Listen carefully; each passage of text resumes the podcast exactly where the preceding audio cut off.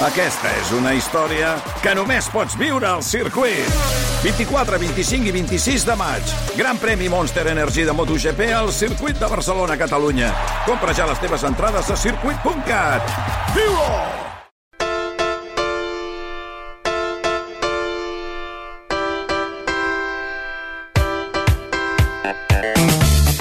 RAC més us ofereix La Revolució Sexual, el podcast de sexe amb Van Alfonso i Rosana Carceller. Don't. La la la la la la la la la la la la la la. OnlyFans, xarxa social de pagament fundada l'any 2016 on hi ha creadors de continguts i subscriptors. Els creadors pengen els vídeos de forma privada i els subscriptors que vulguin veure'ls els han de pagar una determinada quantitat de diners. A OnlyFans s'hi poden penjar tot tipus de continguts, des de receptes de cuina fins a rutines del gimnàs. Però el que més triomfa, i amb molta diferència, és el contingut eròtic i pornogràfic. En els darrers anys, OnlyFans ha tingut un creixement exponencial. Si el 2019 tenia 10 milions d'usuaris, ara, el 2023, ja supera els 240 milions. La pandèmia hi va tenir un paper molt important perquè molta gent va veure en la plataforma l'oportunitat de guanyar diners doncs, des de casa. Avui parlarem d'OnlyFans i també del viatge de gènere que té aquesta plataforma. El 97% de les creadores de continguts són dones i el 76% dels que paguen per veure'ls són homes, segons dades del directori Júbite. Tenim amb nosaltres la Rocío i la Enya, totes dues viuen dels continguts que pengen a OnlyFans i avui han volgut explicar la seva història a la revolució sexual.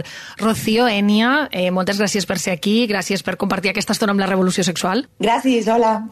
Gràcies per invitar-nos. Quan i com veu començar a penjar continguts a OnlyFans, Enya? Doncs jo personalment el 2019, però és per un canvi de plataforma. Uh, jo tenia experiència prèvia ja, utilitzava Patreon, que també serà coneguda, però OnlyFans em va començar a cridar més l'atenció per la facilitat de la gestió en aquest tipus de treball. I tu, Rocío, com ho vas fer? Igual que, que Enya, yo también empecé en Patreon hace cinco años y en OnlyFans di el, di el paso después de la pandemia, porque bueno, hubo un boom muy grande eh, durante la pandemia con todo el tema de OnlyFans y entonces como era muchísimo más conocido y demás, pues con- mm, decidí ahí dar, digamos, duplicar el contenido y finalmente ya migré todo a, a OnlyFans y luego también a venta de contenido por fuera de, de la plataforma. Pero bueno, eh, ahí fue. Hace, en total hace cinco años y en OnlyFans ahora pues unos dos añitos y pico. I per què vau decidir fer-ho? Quins motius us hi van portar abans els diners, Enya? Uh, bueno, per mi era la meva feina. Llavors, més que el diners també era passional. A mi sempre m'ha agradat moltíssim, inclús des de petita, el que ve siguin, uh, siguent l'audiovisual eh, artístic de l'erotisme, del, del cos, del nudisme, i jo abans, als 18, vaig començar amb una trajectòria més enfocada al boudoir, um, amb roba interior i enfocant sempre a tot amb, amb una vista més artística. Però a poc a poc vaig anar avançant eh, perquè m'anava sentint molt més lliure, molt més segura de, de mi mateixa i m'agradava cada vegada més eh, l'estil més sexual, però sempre tenint aquesta vista de vigilar els plans, eh, la llum, l'atrezzo o la roba. És a dir, fer un contingut que sigui bonic més enllà de ser eròtic, també. Sí, sí, exacte. I tu, Rocío, quan vas començar a penjar continguts eròtics? Per què ho vas fer? Bueno, yo venía de. Yo era jugadora profesional de póker por aquella, por aquella época y ya por redes sociales pues tenía, tenía muchos seguidores, tenía un volumen grande de, seguidores que hoy en día, bueno, Instagram me quitó la cuenta hace, hace poquito, la principal. Y, y mis seguidores, pues como siempre veían que yo vestía sexy, porque siempre me ha gustado mucho, pues eso, ¿no? Los escotes, llamar un poquito la atención y demás, pero porque lo llevo intrínseco en, en, en mí misma pues me empezaron a preguntar y a decir que por qué no, no daba el paso, que por qué no publicaba pues eh, algo un poquito más picante y demás. Y bueno, le di una vuelta y dije, mira, pues creo que puede ser una buena forma de rentabilizar también el tema de, de redes sociales y, demás. Y, finalmente pues eh, di el paso. Al principio prácticamente, o sea, los seis primeros meses ni siquiera enseñaba los pezones porque, bueno, simplemente le quería dar un toque eh, erótico y mostrarme un poquito más allá, digamos, de lo que estaba enseñando hasta hasta ese momento en redes sociales, ¿no? Pero bueno, luego con el tiempo sí que ha ido evolucionando todo. Per vosaltres eh, va ser fàcil començar, perquè ara hi ha com aquesta visió, ara que OnlyFans, OnlyFans ha fet tot aquest boom i està de moda, podríem dir, ha aquesta visió d'escolta, amb OnlyFans és molt fàcil guanyar diners perquè poses una foto dels teus peus o poses una foto de, dels teus pits i guanyes una pila de diners de seguida. Va ser així de senzill des del principi o no? Eh, aviam, des del meu punt de vista, no. Vull dir, eh, està clar que si tens una, un número eh, gran de seguidors com, com la Rocío, per exemple, eh, pot ser més fàcil, però no té per què. A mi em consta que has de tenir constància, has de treballar bastant i has de manejar molt bé eh, la teva publicitat, les redes socials i també has de mm, portar la, la feina com tu vulguis eh, que et respongui. És a dir, tu, segons el que facis i com ho manegis, tindràs un públic o un altre, que són els teus fans.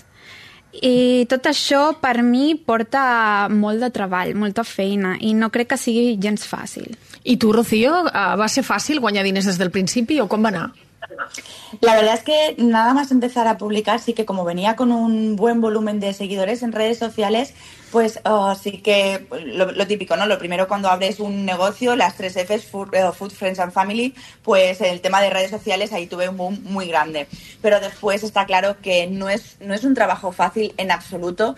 Necesitas muchísima constancia, muchis, una estrategia muy bien diseñada para llevar a cabo y para hacer, pues eso, que cada vez te conozca más gente y llegar a más gente, porque la clave de todo esto es llegar a nuevo público para que te conozcan y quieran mm, ver más de ti. Ara en parlarem de qué tipus de públic que teniu. Vosaltres, ara mateix, quin tipus de contingut pengeu? És contingut eròtic, però, per exemple, què, què sortiu fent o què feu en aquestes fotos o en aquests vídeos? Doncs jo, com he dit abans, vaig començar més amb un estil boudoir, però ara vaig eh, més enllà.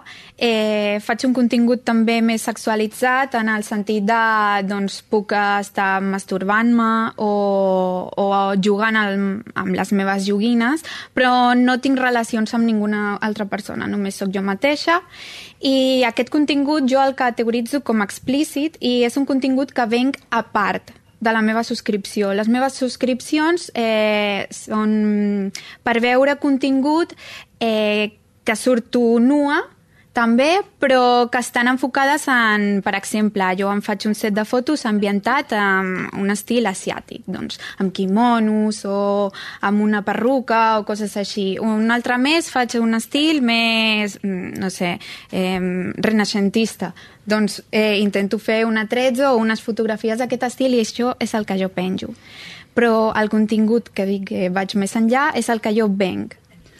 És a dir, que la gent ha de pagar una subscripció per poder veure aquestes imatges artístiques i per veure el contingut explícit han de pagar una cosa a part, no? Sí. I ensenyes la cara en tot aquest material? Sí, sí, sí. Sempre? Jo, sí, la meva cara ja es coneix. Eh... es pot veure en qualsevol. I tu, Rocío, quin tipus de contingut fas ara? Pues mi contenido también ha evolucionado mucho durante estos cinco años y sí que empecé pues erótico y sin mostrar pues uh, los pezones, pero ahora mismo ya sí que es explícito también y um, bueno, básicamente grabo yo sola o con algunas chicas. Quizás para eh, este 2024 pues mi pareja se anime a grabar algún vídeo conmigo, pero por el momento no, todo lo que grabo es en solitario o bien con otras, con otras chicas. OnlyFans també permet fer continguts personalitzats. És una de les particularitats d'aquesta plataforma. És a dir, que els subscriptors us demanen un vídeo fent alguna cosa o amb alguna fantasia que tenen o així i vosaltres ho podeu enviar o no. Això vosaltres ho feu habitualment o no? Sí, és el que dic, que ho venc a part, però no em sembla una, una cosa pròpia d'OnlyFans, perquè tu simplement si tens Instagram o una altra red social et poden contactar per allà i demanar-te un contingut personalitzat Clar. i tu pots vendre per fora i que t'ho paguen en, o en PayPal o en TransferWise eh, i, i em sembla hi ha una altra pàgina que es diu Fansly que sí que facilita més aquest tipus d'intercanvi. I què és el que més us demanen, Rocío? Pues a mí en particular videollamadas, de forma así particular, de uno a uno, eh, videollamadas ahora mismo digamos que es mi servicio estrella. Yo en mi contenido, yo tengo de- en, lo que es la plataforma en sí de, de OnlyFans, que también, bueno, yo duplico todo lo de OnlyFans, por ejemplo, en, en Telegram, tengo un canal privado de Telegram y uno gratuito, en OnlyFans también tengo uno gratuito y uno, y uno de pago. Y yo, por ejemplo, en mis plataformas de pago, ya ahí sí que simplemente con la suscripción mis suscriptores ven todo mi contenido explícito, no les hago pagar por nada más. Ya con la suscripción tienen acceso a contenido mío diario, explícito y sin censura. Lo único es que sí, por ejemplo, si quieren pues eh, un vídeo personalizado o una videollamada o que les valore el tamaño de su pene o demás, pues eso ya sí que va aparte, obviamente. I en aquestes videotrucades, quin contingut hi ha que et demanen que facis, per? Básicamente masturbación. Hay gente que sí que, que quiere simplemente hablar conmigo, me, me llegan incluso pues eso a, pedir videollamadas o llamadas simplemente para charlar, para conocerme más y demás, pero normalmente sí que es pues eh, pues eso, algo eh, erótico, sensual, desnudos, masturbación. Hi ha alguna cosa que us hagin demanat i que hagueu dit, mira, jo per aquí no hi passo, això no ho faig, o alguna cosa que us hagi semblat estranya, o en principi tothom demana més o menys el mateix? Com va això? Sí, a veure, eh, jo, per exemple, videollamades no faig, eh, només faig vídeos, perquè m'agrada molt això, la- l'apartat artístic d'audiovisual i, i m'agrada fer com la meva pel·lícula, no?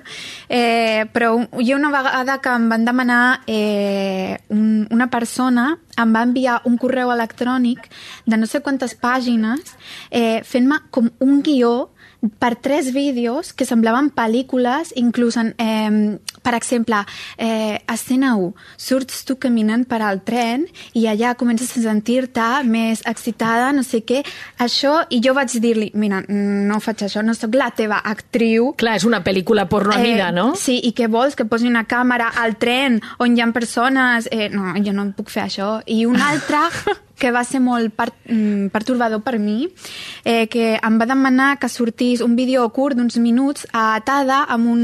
Amb, amordatzada, es diu en català? Sí, amordassada. amordassada fent sorolls com que estic eh, patint. I, clar, jo puc respectar el BDSM i a, la, a les persones que els hi, els hi agradi i ho portin a cau d'una forma responsable. Però com no saps qui hi ha darrere de, la, de qui t'ho està demanant, jo no volia aportar això ni volia participar.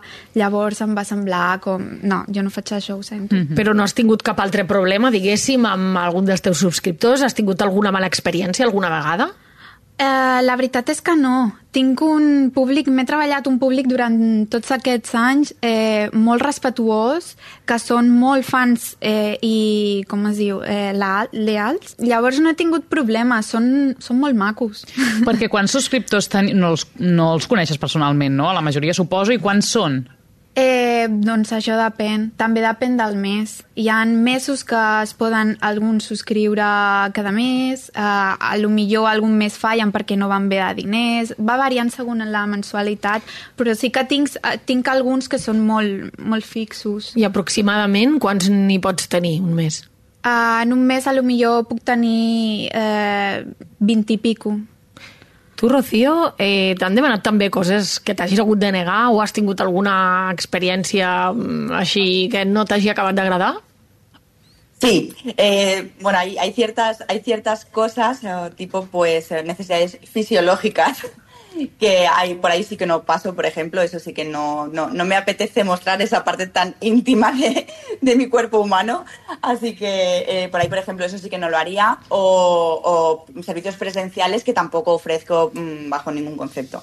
Us ho han demanat, eh? Serveis presencials. Sí, sí, sí, sí.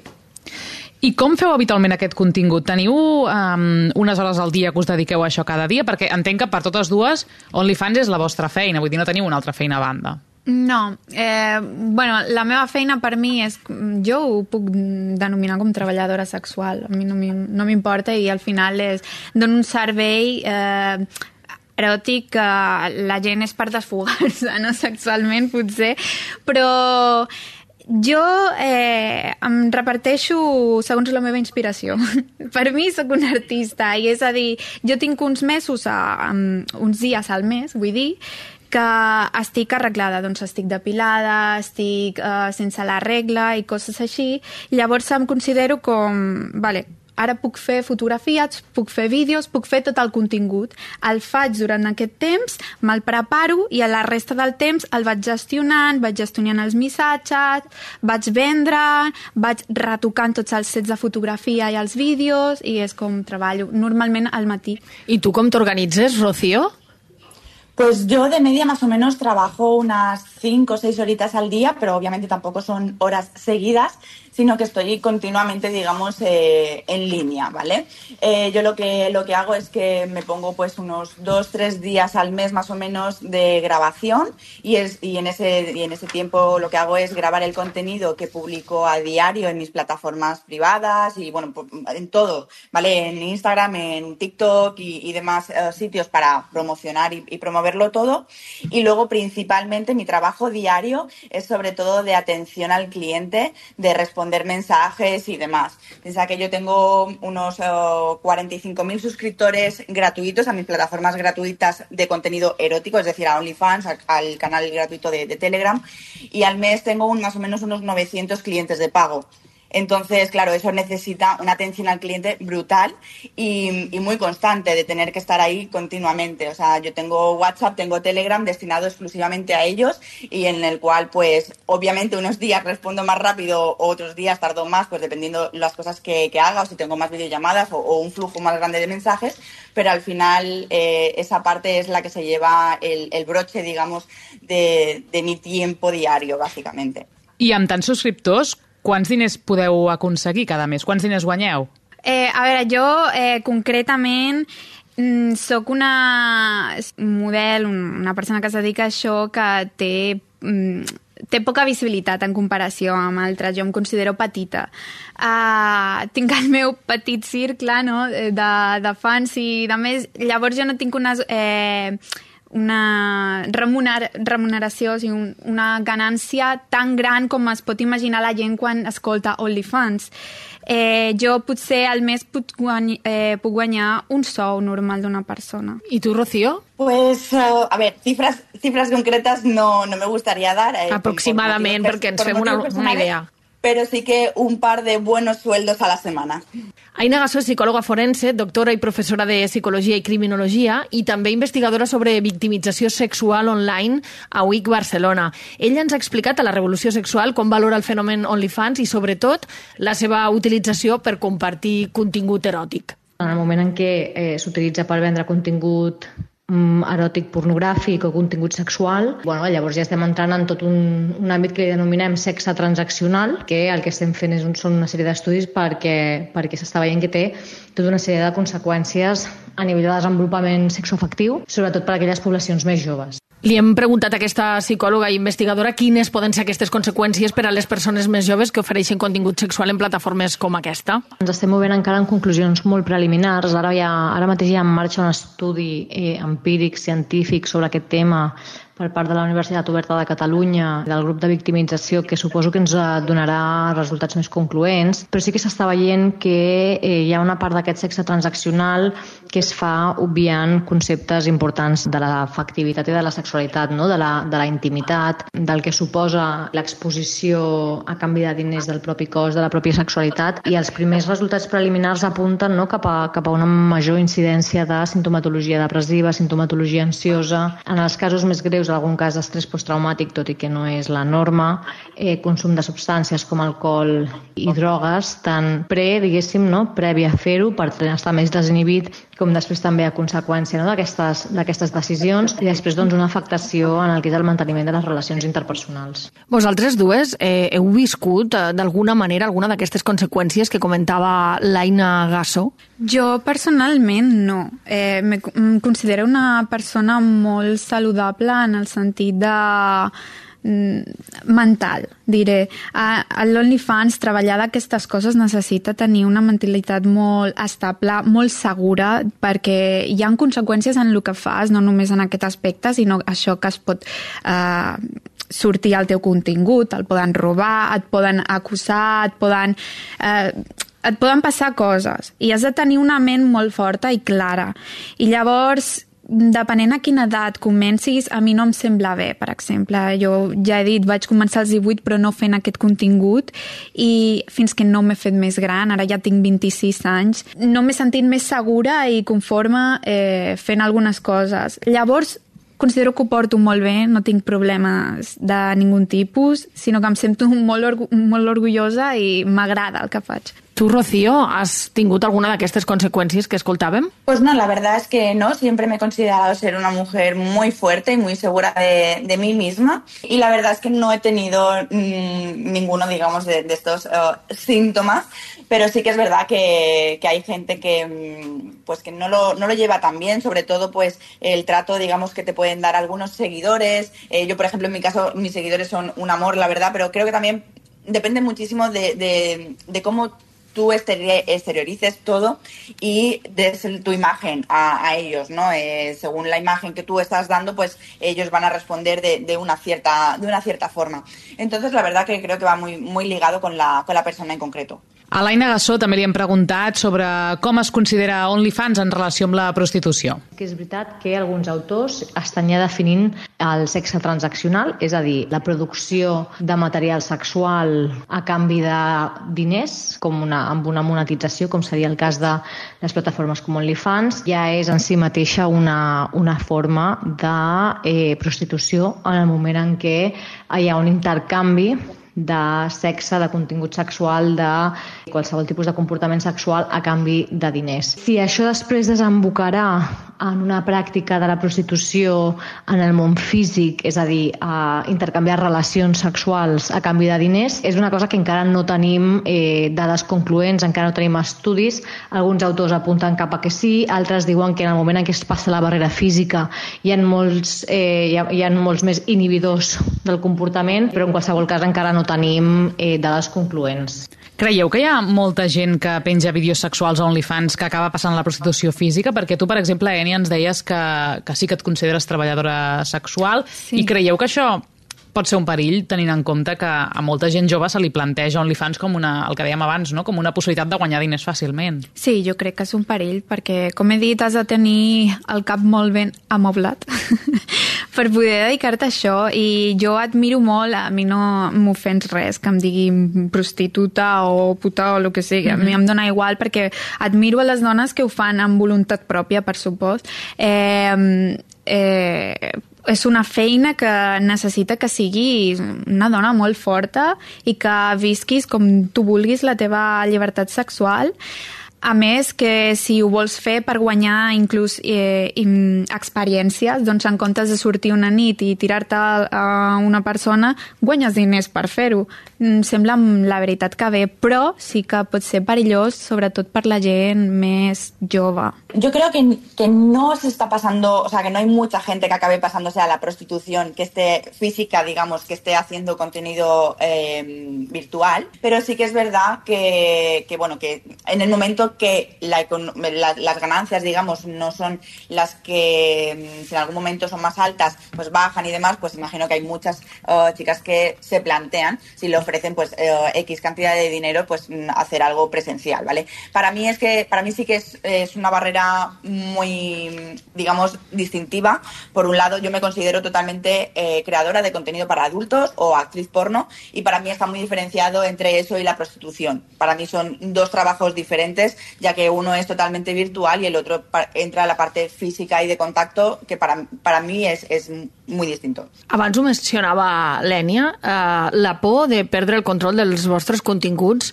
la teniu? Eh, us ha passat en algun cas? Eh, us fa realment por que trobar-vos els vostres vídeos per qualsevol xarxa social, no? O si us els heu trobat en pàgines d'aquestes uh -huh. de continguts filtrats. A mi em fa molta por Uh, m'ha passat el, el tenir aquesta por i tenir que enfrontar-me a l'ansietat que provoca. I inclús m'he tingut que enfrontar a la suplantació d'identitat que segur que Rocío també ha tingut que enfrontar perquè moltes de les persones que ens dediquem a aquest món hi han perfils falsos de nosaltres per estafar la gent i guanyar diners amb, amb la nostra imatge.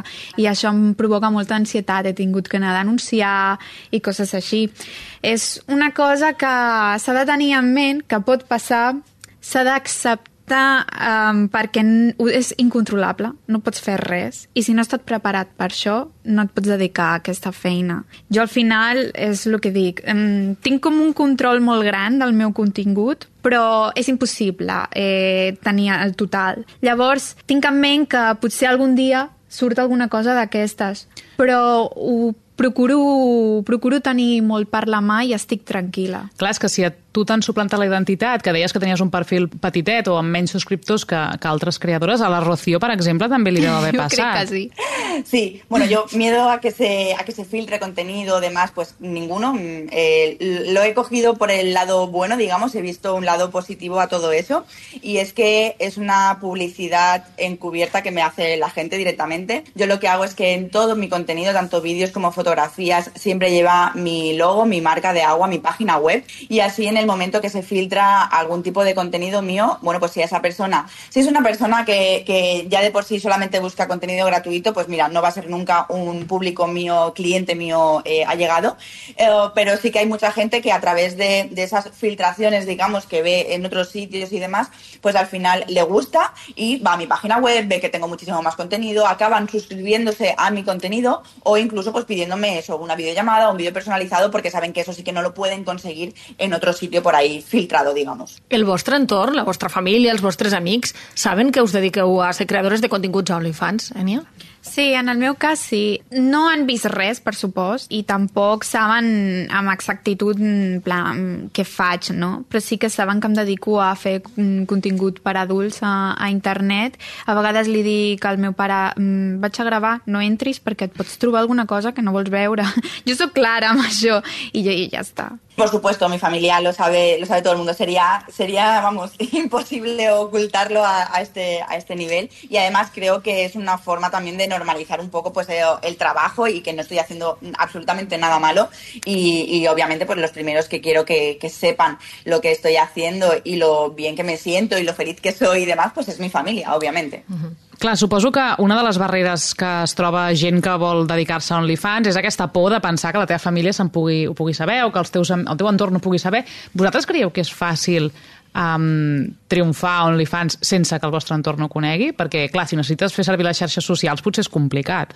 A ver, yo creo que si es un problema en sí, que pues eso, sobre todo familia, eh, mujeres que tengan hijos, niños pequeños y demás y esto, pues claro, tienen que ser muy conscientes, ¿no? De que en el momento de que se cuelga algo online, eh, eso va a estar ahí. Y por mucho que muchas decidan pues no mostrar la cara, no mostrar el rostro, demás, es muy fácil conocer el cuerpo de una persona si, si le llega a gente cercana, ¿no? Entonces, eh, mm, yo personalmente eh, diría alguien que si realmente no quieres que tu entorno eh, se entere, realmente no hagas este trabajo porque no lo vas a disfrutar, porque no te vas a sentir segura, vas a tener siempre ese miedo, esa ansiedad de que te pueda ver alguien que te conozca, te pueda ver tu familia, te pueda ver tus hijos. Entonces creo que hay otras muchas cosas que para hacer en este mundo, eh, las cuales pues nos llenen de felicidad también a la hora de hacerlas, ¿no? Porque creo que es algo súper importante hacer algo que te, que te haga feliz. Sí, la veritat és que vull añadir que si es pensen que és una feina fàcil, com ja hem dit abans, no ho és per gens. Llavors, si estàs insegura, com, com diu Rocío, eh, no vols ensenyar la teva cara, podries fer-ho, però que sàpigues que és molt millor que facis això perquè t'agrada i vols de veritat. Vosaltres us heu plantejat deixar aquesta feina o què fareu quan deixeu aquesta feina? Perquè, clar, suposo que no deu ser fàcil trobar una altra feina si hi ha aquests continguts penjats, o sí, no ho sé. A mi és que em dóna igual, vull que la, socia la societat avanci i aquest contingut no, no em personifica, vull dir, no diu quina classe de persona sóc ni què sóc capaç de fer i què no. Um, a mi és que m'agrada molt, com ja he dit, però sóc una persona molt artística també, vaig ser cantant durant molt temps en un grup de música i el meu pla és Uh, aquesta és la meva feina, però en un futur vull emprendre uh, altres eh, branques dins de, de les meves passions i els meus arts, ja siguin dibuixant, ja sigui cantant, ja sigui vendre algun contingut d'aquest que creï. I tu, Rocío, com et planteges el futur? Pues yo por ahora haciendo lo que, lo que estoy haciendo, pero creciendo más a ser, a ser posible. Y, y sobre todo, pues eh, quizás en un futuro, obviamente, pues no, no me veo, ¿no? Eh, con, no sé, con X edad, pues uh, creando contenido sexual todavía.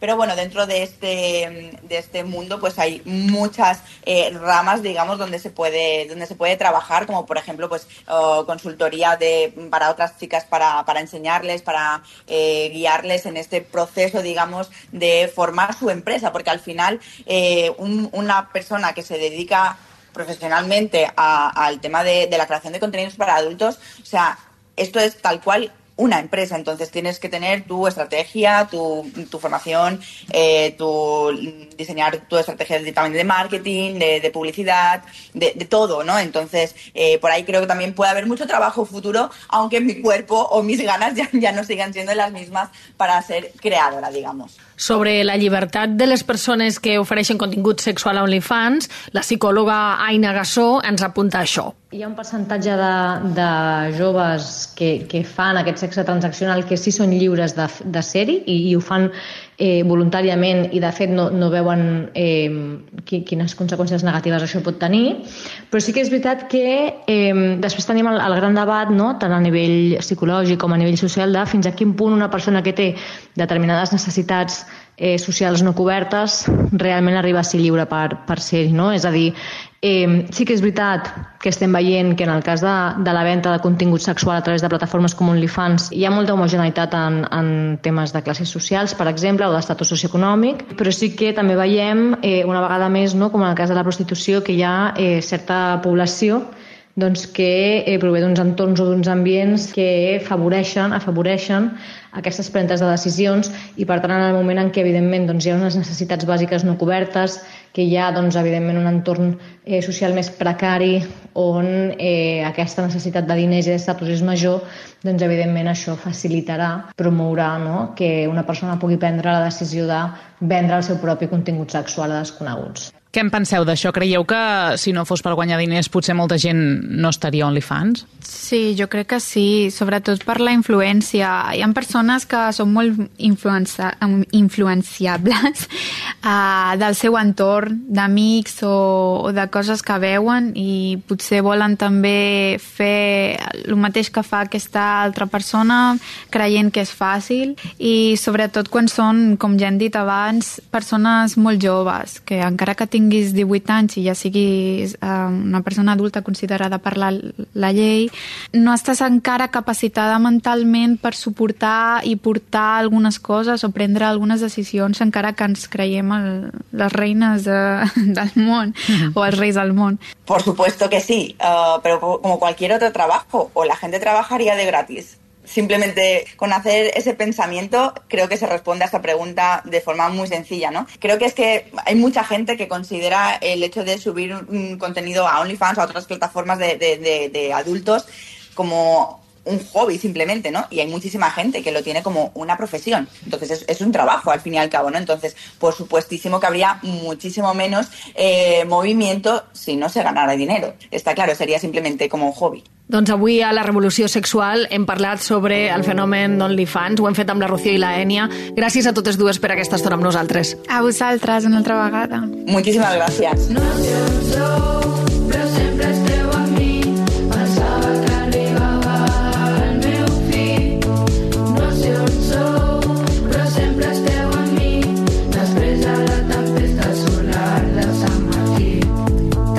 Avui acabem el capítol proposant-vos aquesta cançó. Es titula Renaixement i l'ha fet la cantant de música urbana Muixca amb un grup d'adolescents víctimes de violència sexual. El tema parla del procés que han viscut les sis noies que tenen entre 13 i 16 anys i la col·laboració amb aquesta cançó és el colofó de la teràpia que han seguit per recuperar-se. Totes les noies han fet el seguiment a la unitat d'atenció a víctimes de violència sexual de la Vall d'Hebron.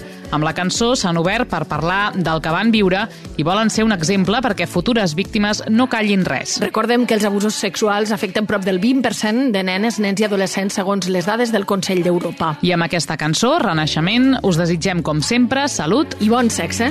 I aquí comença el meu.